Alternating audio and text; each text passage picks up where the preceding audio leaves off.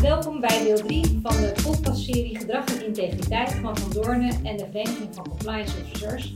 Vandaag ontvang ik samen met Anton Pieter van Lochtenstein Roland Notermans, eh, voormalig jurist van Philips eh, en daarna heel veel praktijkervaring opgedaan bij een groot aantal eh, bedrijven. Roland, welkom. Dankjewel. Kan je kort iets over jezelf vertellen voordat wij gaan spreken over het thema nooit meer compliance?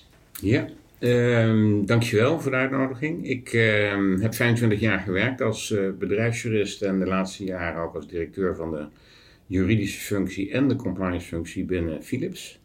En kreeg na 25 jaar uh, de kans om mijn eigen bedrijfje te starten, wat ik met beide handen heb aangegrepen. Um, en mijn uh, doel is nooit meer compliance. Daar komen we dan aan het einde van het gesprek denk ik wel op. Uh, wat ik vooral doe is heel veel organisaties ondersteunen, adviseren hoe ze hun compliance en integriteitsprogramma op een hoger plan kunnen brengen. En daarnaast geef ik ongeveer één keer per week een webinar, een cursus, een workshop of een training. Zowel in-house bij bedrijven als bij de Compliance Academie. Ja, en je loopt al jaren mee. Hoe zie jij de ontwikkeling van compliance? Ja, het is denk ik oorspronkelijk, zoals we denk ik allemaal weten, begonnen met een aantal grote schandalen waarbij organisaties de mazen van de wet opzochten denk aan Enron, WorldCom, het vernietigen van documenten bij Arthur Anderson. Um, waarbij de juristen verzocht werd, uh, omdat ze toch al allerlei onderwerpen aan de orde stelden en cursussen gaven over bijvoorbeeld mededingingsrecht of corruptie, om dan maar compliance erbij te gaan doen in de organisatie. En vanuit uh, het bestuur van zo'n organisatie is dat wellicht uh, heel begrijpelijk en logisch.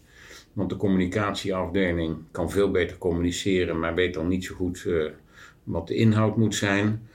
De HR-afdeling is veel beter geschikt vaak om vaardigheden en trainingen te geven, maar maakt zich dan buitengewoon veel zorgen als er vragen gesteld worden over bijvoorbeeld de privacywet of de corruptiewetgeving. Mededingingsregels zijn moeilijk. Dus ook de HR-afdeling voelt zich niet erg geroepen.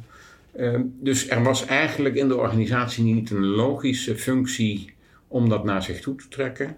Uh, maar je zag in de Libor-affaire, denk ik, heel erg duidelijk dat iedereen zich tot op zekere hoogte weliswaar aan de regeltjes hield maar zich gedroeg alsof uh, ze niet hoefden na te denken uh, wat klantenbelang was en hun maatschappelijke rol. En dat is natuurlijk het grootste verschil tussen juristen die zeggen juridisch gezien kan het, en een compliance professional die de vraag durft te stellen, ook al zou het misschien juridisch mogen, moeten we dit eigenlijk als organisatie wel willen. En, en is dan de compliance officer bij voorbaat juist wel een jurist of misschien juist helemaal niet? Nou, um, ik wil niemand beledigen, want we hebben denk ik 70, 80 procent van uh, de compliance professionals in Nederland met een juridische achtergrond. Uh, mijn pleidooi is vooral, uh, ken je eigen grenzen en zoek de samenwerking, omdat je samen heel veel verder komt en veel effectiever bent. Je hebt de input van pedagogen, sociaal psychologen, uh, communicatie-experts en juristen nodig om samen met de business, met het bestuur, met sales, met de andere functies, denk ook de input van audit, nodig om uh, tot een verstandige aanpak te komen van, laten we toch maar even zeggen, het woord waar ik veel liever uh, naartoe ga, en dat is responsible business conduct, verantwoord zaken doen. En waarom uh, gebruik ik dat woord veel liever? Compliance heeft nog heel erg het gevoel van regeltjes en wetten. En laten we heel eerlijk zijn, 98% van de collega's de organisaties hebben geen rechten gestudeerd en vonden het ook helemaal geen leuk onderwerp. Dus waarom zouden wij hen proberen bij te brengen wat wij als juristen heel goed weten? Dat is helemaal niet interessant voor de gemiddelde medewerker en ook niet nodig om hen dat bij te brengen. Waar het om gaat is dat het bestuur is aangewezen om de vennootschap te besturen en een uitspraak te doen over hun risicoprofiel, de risk appetite. En tegelijkertijd uh, aan te geven hoe zij uh, lange termijn waardecreatie willen uh, realiseren door een integere cultuur te bevorderen. En zelfs als je niet aan de beurs genoteerd bent, dan denk ik dat de meeste organisaties ook die lange termijn waardecreatie hoog in het vaandel hebben staan. Het gaat erom dat je als organisatie keuzes maakt over wat je wel en niet verantwoord uh, handelen of verantwoord zaken doen vindt. En dat je dat communiceert aan de gemiddelde medewerkers. Daar heb je juristen voor nodig, tot op zekere hoogte, maar ook de HR-afdeling, de communicatieafdeling, de input van de accountant, de input van audit. Om, omdat je alleen gezamenlijk uh, de boodschap kunt overbrengen naar iedere werknemer. Die moet begrijpen niet alleen wat deze organisatie aan doelen wil bereiken, maar vooral hoe we die doelen willen bereiken. Dan ben ik ook nog wel even benieuwd, want je zegt hè, lange termijn waardecreatie. Wat je natuurlijk vaak ziet, uh, is dat compliance een, een lastige onderwerp is. Uh, en, en de lange termijn waardecreatie uh, en compliance niet heel goed met elkaar samengaan, want men kijkt vooral naar de korte termijn en de impact die dat heeft. Hoe kijk je, wat zijn jouw ervaringen op dat punt? Dat is uh, de grootste uitdaging, denk ik, voor elke organisatie. Uh, laat ik een voorbeeld geven. Ik werd vorige week gebeld door een van mijn cliënten die uh, mij vroeg: er is een vliegtuig gekaapt door Wit-Rusland, Belarus. wij doen zaken met een staatsbedrijf in dat land. Er komen sancties aan. Moeten we doorgaan met deze partij of moeten we stoppen? Uh, en ik denk dat uh, het antwoord is: je moet niks, maar je moet vooral heel goed intern praten en nadenken. Uh, of je zaken wil doen met dergelijke organisaties, of je dat kunt uitleggen, wat dat doet met je reputatie als het bekend wordt. En of je een bestendige richting kunt geven aan de keuzes die je maakt in het leven. Wil ik dit wel of wil ik dit niet?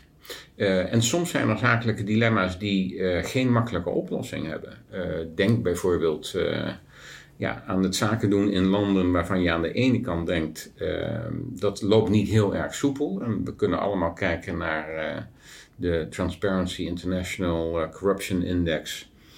waarbij we dan weten dat de meeste landen veel roder en donkerder rood kleuren dan Nederland.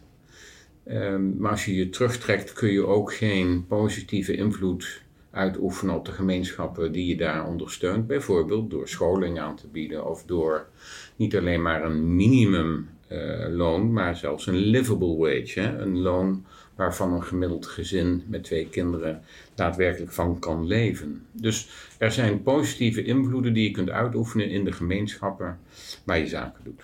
Wat is mij dan wel, de, de, even, even na te denken, hè, ook over de rol van de jurist erin of de rol van HR.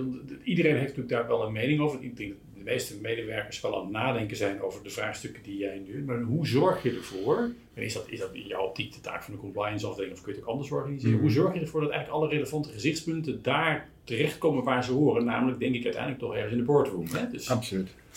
Ja, uh, dat hangt natuurlijk gedeeltelijk af van de positionering van de compliance professional. Um, maar toegang tot de board en onafhankelijkheid van de functie zijn uh, essentieel om tot een effectief programma op langere termijn te komen. Dat is het eerste. Het tweede is, um, zoals jullie misschien ook wel weten, verzet ik mij heftig tegen het uh, woord compliance officer. Want als je kijkt naar de chief operating officer of de chief financial officer of de chief information and security officer, dan zijn dat personen met eindverantwoordelijkheden. En het laatste wat je zou willen is de indruk wekken dat de compliance officer dan al in charge is. Want dat is natuurlijk de board met de CEO voorop. Um, ik zie de compliance professional veel meer als de manager van een programma zoals dat wordt vastgesteld door de raad van bestuur. Want uiteindelijk moet de raad van bestuur helderheid geven over de risico's die ze wensen te lopen en over de vraag: zoeken wij de grenzen van de wet op en de mazen in, het, in, in de wet? Of uh, gedragen wij ons integer, eerlijk, verantwoordelijk, duurzaam? Mooie kreten, maar die moeten dan invulling krijgen. En het is, vind ik, aan de compliance functie sterker dan welke andere functie ooit, ook om uh, de boord te, uit te dagen. Het liefste zou ik hen als een soort hofnar willen betitelen, alleen niet iedereen voelt zich comfortabel om de rol van de hofnar te spelen, want je weet dat het met sommige hofnarren niet goed afloopt. Uh, je riskeert uh, ja, moeilijke gesprekken, ruzies en ontslag. Maar een goed CEO duldt een hofnar naast zich die hem of haar wel de waarheid durft te vertellen en uit te dagen. En als een soort schaker drie, vier, vijf stappen vooruit te denken. Uh, wat zou er kunnen gebeuren als wij doorgaan, bijvoorbeeld met dit staatsbedrijf in Wit-Rusland? Nou, en, en daar moet je vooral het gesprek over voeren. En ik denk dat de compliance-functie bij uitstek de functie in de organisatie is die gedoogd wordt en hopelijk gewaardeerd, maar dat komt niet zo heel vaak voor, om uh, de board te challengen en ervoor te zorgen dat het op de agenda van de board blijft. En vooral ervoor te zorgen dat de board haar verantwoordelijkheid neemt en niet kan wegrennen van de duidelijkheid die zij moeten verschaffen over de vraag hoe willen wij onze doelen bereiken. Want als je mij geen beperkingen meegeeft, dan kan ik met kartelvorming en omkoping op korte termijn buitengewoon veel omzet en winst genereren. En iedereen begrijpt dat dat geen duurzaam businessmodel is. En, en, waar houdt dan wat jou betreft de verantwoordelijkheid de rol van die compliance of ethiek professionals, hoe je maar wil noemen. Want, want, uiteindelijk ben je dus niet degene die beslist. Hè? Dus je waakt ervoor dat je degene bent die zeg maar ook alle apen op de schouders uh, hebt. Dus, dus kun, je daar iets meer over zeggen? Dus, dus, tot waar gaat dan je verantwoordelijkheid? Dus hoe ver ga je door? ja, um, dat, je ziet daar wel grote verschillen tussen de financiële en de niet-financiële sector. Mijn consultancy richt zich uitsluitend op de niet-financiële sector Juist omdat we daar heel andere wetgeving hebben en veel minder is vastgelegd. In de financiële sector is de rol van de compliance officer veel duidelijker beschreven. Ik zou liever het woord compliance professional gebruiken. Uh, ik vind zelf dat uh, de compliance professional bij uitstek degene is die moet begrijpen hoe de board uh, de beslissing zou nemen. En daar waar ze het gevoel hebben dat de business daarvan zou willen afwijken, de business gaan challengen en uiteindelijk uh, de moed opbrengen om het uh, bij de board binnen te kuieren indien je daar samen met de business niet uitkomt. Dus je blijft adviseur van de eerste lijn. Ook al zie je in de niet-financiële sector een veel minder strikte scheiding tussen eerste lijn, tweede lijn, derde lijn. En zelfs de externe accountant. Ehm, maar ik denk dat je belangrijkste taak is om er te proberen met de business uit te komen, maar te escaleren naar het juiste niveau.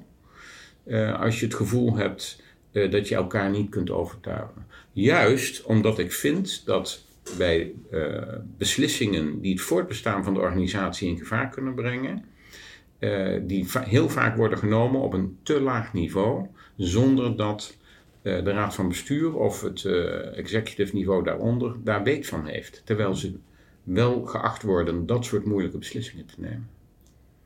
Ja, je ziet in de laatste tijd ook de ontwikkeling, althans de compliance officer of de functie van compliance officer is er niet een te benijden functie, lijkt het meer te worden. Gelet op de verantwoordelijkheid die toch in de schoenen van de compliance officer wordt uh, geschoven, of die er nou zit of niet. Hè. Ik gebruik even expres dit woord. Ja, ja. Hoe kijk je daar tegenaan? Want het is bijna onmogelijk uh, om die functie te vervullen op dit moment, zonder zelf uh, veel risico te lopen.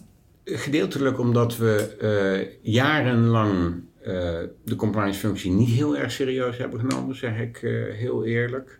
En plotseling zie je dat één of twee majeure incidenten die de pers halen, ook al zijn ze wellicht niet illegaal, eh, de reputatie van een onderneming volledig onderuit kunnen schoffelen. En dan kijkt men ten onrechte uh, alsof de compliance-functie alle problemen kan oplossen. En ik vrees dat dat een overschatting is van één of een paar individuen. Want uiteindelijk ben ik ervan overtuigd dat je de roeiwedstrijd alleen met achten gaat winnen. Als je ook met z'n achten weet in welke richting je wil varen en een beetje hetzelfde tempo aanhoudt. Maar als je in een roei 8 zit met de board, met de sales, met de finance, met HR, met communicatie, met legal en compliance. En je zegt tegen één van die acht, sterkte ermee jochie, ga jij nou maar zorgen dat wij uh, de eindstreep halen. Dan is dat een redelijk uh, oneerlijke en naïeve propositie. Dus de, uh, de uitdaging voor compliance professionals vind ik dat ze zich vooral heel snel oriënteren. Hoe zien andere effectieve programma's eruit? En wat kunnen wij van anderen leren om te voorkomen dat we dezelfde fouten maken? En mijn stokpaardje daarbij is: zet een heel andere bril op. Durf eens met een bril van buitenaf uh, te kijken naar je eigen organisatie en je eigen aanpak. En probeer je hele compliance programma, laten we toch maar even die naam geven, uh, te ontwikkelen vanuit de gemiddelde gebruiker. Daniel Kahneman, Nobelprijswinnaar, heeft een schitterend uh, boek geschreven, Thinking Fast and Slow. En zijn stelling is eigenlijk: wij kunnen als mens alleen maar functioneren dankzij onze automatische piloot. De ene rechts, uh, hersenhelft neemt ongeveer 30.000 beslissingen per dag. Um, en dat gaat volstrekt automatisch zonder dat we eraan denken. Maar af en toe in je normale werkzaamheden moet je even pauzeren, moet je even reflecteren. Vroeger zou een collega opbellen en zeggen: Joh, stuur me even die salarissen op, dat, uh, op, op mijn Gmail, want ik zit thuis te werken. En tegenwoordig moeten we allemaal zeggen: uh, uh, Ik geloof dat er iets mee was en misschien kan dat niet meer met de nieuwe privacyregels. Vroeger huurden we een agent voor elk land waar we het te moeilijk vonden om zaken te doen. Uh, en we weten allemaal dat SBM Offshore slechts 3% betaalde aan commissie aan een agent. En als je dan iets dieper kijkt en de steen oplicht, dan zie je dat die ene meneer 120 miljoen dollar aan het verdelen was. En dan moet je wakker worden en denken: oeh, wellicht deden wij vroeger op die manier zaken. Tegenwoordig kan dat gewoon niet meer. Dus wat je probeert te doen in je communicatie is vanuit de ontvanger in plaats van vanuit de zender na te denken, wat moet deze collega in zijn of haar dagelijkse werkzaamheden begrijpen van mijn compliance programma, pauzeren en even overleggen met mijn manager. Als, we, eh, als hij of zij het gevoel heeft dat het wellicht niet helemaal in lijn is met de kernwaarden of de gedragscode van de organisatie.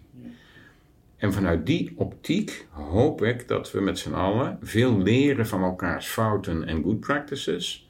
En uh, de effectiviteit van onze communicaties op een hoger plan kunnen brengen. is grappig dat je dat zegt. Ik had, vorige week had ik een, een gesprek met een, een jurist weliswaar. Uh, maar die had uh, het probleem dat, hij het, dat zijn management waar hij veel verwerkte niet altijd overtuigd was van de juistheid van zijn standpunten. Want, zei hij, ik toets al mijn adviezen aan de organisatiedoelstellingen. Zeg, ja, dat is heel interessant, maar stel nou dat ik die business manager ben en dat ik ook zeg dat ik al mijn beslissingen toets aan de organisatiedoelstellingen. Alleen dat wij een andere interpretatie hebben van wat de organisatiedoelstelling is. Uh, en ik hoor je dan zeggen dat je dingen toetst aan de kernwaarden. Of, hè, dus, dus hoe, hoe kon je uit zo'n situatie komen dat je dus zeg maar ja, wel eens niet is van ik vind zus en, en een ander vindt zo. Dus waar, waar toets je dan aan? Waar, wat zou je de, de luisteraar willen meegeven? Hoe kun je dan, dan toch naar een ander niveau uh, toe? Mijn, mijn uh, advies zou zijn, um, is dit bevorderlijk voor de reputatie? Is dit bevorderlijk voor mijn persoonlijke geloofwaardigheid in de organisatie? En als wij deze keuze maken en bij wijze van spreken linksaf gaan, is dat dan um, bevorderlijk voor uh, de organisatie op de lange termijn en mag dat ook bekend worden? Is dat ondersteunend aan uh, uh, de reputatie van de organisatie en mag dit dus nieuw beleid worden? Want vaak zie je bij zakelijke dilemma's. Uh, ja, het gaat nu even financieel slecht. We moeten nu eventjes uit de verliezen. We doen dit eventjes als een eenmalige deal. En dat zijn vaak uh, de grootste risico's als je denkt, ik wil even iets repareren, ik wil even iets erdoor drukken, ik wil even iets goedgekeurd krijgen, eh, dan zit je met het zakelijke dilemma op korte termijn misschien heel fijn, maar mogelijk op langere termijn niet. Eh, dan denk ik dat als je bijvoorbeeld kijkt naar het, begeleiden van, en het faciliteren van dilemma's, zoals Van Luik dat uh, voorstaat, dat je nog twee stappen verder moet gaan bij een analyse van een zakelijk dilemma. Je wil vooral kijken, als ik hiervoor kies, kan ik dan uh, de schadelijke effecten van mijn keuze toch beperken door allerlei maatregelen te nemen. En mag deze beslissing dan bekend worden in de organisatie, zodat dit ons nieuw beleid wordt. En als je begint te aarzelen, dan is de kernboodschap van elk compliance programma even niet doorgassen, even niet doorrijden, even niet tempo maken, maar bij twijfel vooral even overleggen met elkaar en op het juiste niveau de knopen doorhakken, want het heeft verstrekkende gevolgen voor jou, jouw baan, uh, jouw organisatie, de werkgelegenheid en uiteindelijk succes over 4, 8 en 12 jaar. Want organisaties willen vooral zaken doen met partijen die ze vertrouwen. En vertrouwen bouw je met z'n allen, alle medewerkers samen, dag in dag uit op. Maar kun je heel snel verliezen door één, twee, soms drie incidenten. En dat uh, duurt jaren en jaren en jaren om dat te repareren. Je, je zegt net het juiste niveau, hè? daar bedoel je mee gewoon zo hoog mogelijk in de organisatie, hè? of op het, hoogste niveau, om deze beslissing, het, het, het uh, beleid te bepalen, de richting. En met name ook uh, de risk appetite, hè, de risico's. Want uiteindelijk uh, is dat de taak van de board. En mijn advies aan compliance professionals is vooral: laat hen helder zijn. En als ze dat niet zijn, ja, beweeg hemel en aarde voor die duidelijkheid. Want het kan niet zo zijn dat bij gebreken van richting de compliance-functie dan maar de beslissingen moet gaan nemen. Want dan word je de nee, nee, nee, nee, nee, het mag niet afdeling. En uh, we hebben allemaal gezien dat als je als politieagent wordt ervaren of gezien in de organisatie, de effectiviteit van je programma veel te gering is dat moeten we niet willen. Ik hoor je dus eigenlijk zeggen, als, als business conduct professional, laat ik hem daar maar op houden. Ja. Uh, heb je een adviserende, ondersteunende en faciliterende rol. Ja, en, en mijn, mijn advies is vooral, begin daar ook mee. Uh, zeker als je uh, pas benoemd bent, probeer dan zoveel mogelijk het rapporteren en het monitoren bij de eerste lijn en de derde lijn te laten. Want als jij vele petten opkrijgt, je was al jurist en je wordt nu ook nog compliance professional en je moet ook nog monitoren en rapporteren en soms zelfs ook nog onderzoeksrechter spelen om een uh, melding te onderzoeken, dan krijg je zoveel petten op in de organisatie dat je niet meer die vertrouwensrelatie met de business kunt opbouwen om te horen wat er daadwerkelijk speelt. En als je dat niet hoort, kun je niet proactief uh, allerlei problemen voorkomen. Dus probeer het meerdere petten syndroom te vermijden door vooral te zeggen: ik zit hier om, de, om uit te leggen, om jou te ondersteunen, te adviseren, om samen uh, de business uh, in de goede banen te leiden. Uh, en probeer, wat je in de financiële sector helaas ziet, weg te blijven in de eerste fase van monitoren en rapporteren, omdat je dan een dubbele pet op krijgt en soms een derde pet waarvan de business zich oncomfortabel voelt om de moeilijkste uh, ethische dilemma's met jou uh, te gaan bespreken. En is dat dan ook wat je bedoelt waar je mee begon met nooit meer compliance? Nou, ik, mijn ambitie is daadwerkelijk dat het zo uh, onderdeel wordt van de DNA van de organisatie dat je eigenlijk zegt: zo doen wij hier zaken.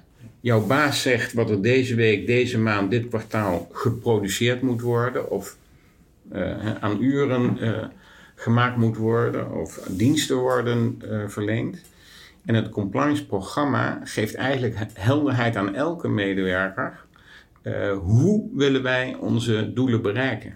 Uh, toen ik hier vanochtend naartoe reed, was er weer een gesprek over de, een tweet van Wilders. Het zal niet zo zijn.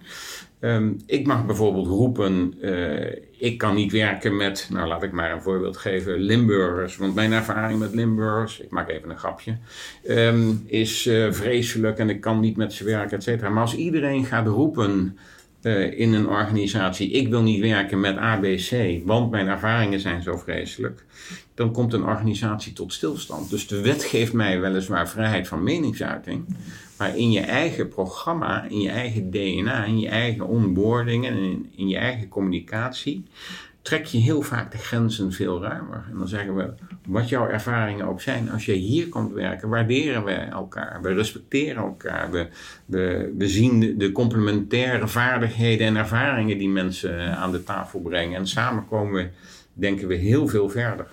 Dus het gaat er vooral om dat we in onze dagelijkse processen en procedures uh, onze uh, grenzen zodanig inbakken dat iedereen het van vanzelfsprekend vindt. Dat ze zeggen, oh ja, nee, maar dit snappen we helemaal. Thuis snappen we dat we niet vloeken. als we naar de kleuterschool gaan, dan horen we, hè, we zijn beleefd. We blijven van de spulletjes van de ander af. En, en als de juffrouw zegt dat we mogen opstaan, dan gaan we pas naar buiten, bij wijze van spreken. Uh, thuis zetten we onze achterdeur op slot of onze auto op slot. Willen we ook niet dat onze gesprekken uit de slaapkamer gepubliceerd worden op social media.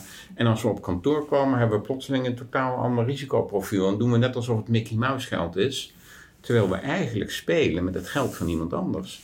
En die geldschieter mag aangeven wat voor risico's hij of zij wil lopen als wij met zijn of haar geld spelen. Dus ik vind eigenlijk dat onze ambitie moet zijn dat het zo duidelijk en helder en logisch is, dat het in de DNA van de organisatie is. En af en toe moet je mensen eraan herinneren, want dat heeft natuurlijk ook meer dan tien jaar geduurd voordat iedereen een veiligheidshelm opdeed. We zitten nu midden in de privacy en iedereen begint wakker te worden, maar cybersecurity en phishing e-mails zijn eh, de grootste bedreiging, denk ik, voor de meeste grote bedrijven. Dus die herhaling blijft nodig omdat we met mensen te maken hebben. En net zoals een auto heeft ook een compliance programma af en toe benzine nodig en aandacht. Maar de ambitie zou moeten zijn nooit meer compliance. En gebruik de kracht van herhaling, maar past dus iedere keer net een beetje aan. Ja. ja. En overigens, wel geheel terzijde, ben je van harte uitgenodigd om thuis bij ons een keer een workshop te geven hoe niet te vloeken. Maar dat is in, buiten het bestek van deze. Uh, Lijkt me buitengewoon leuk. Ja. Veel dank, uh, Roland. Heel graag gedaan, erg leuk. Dank jullie voor het gesprek.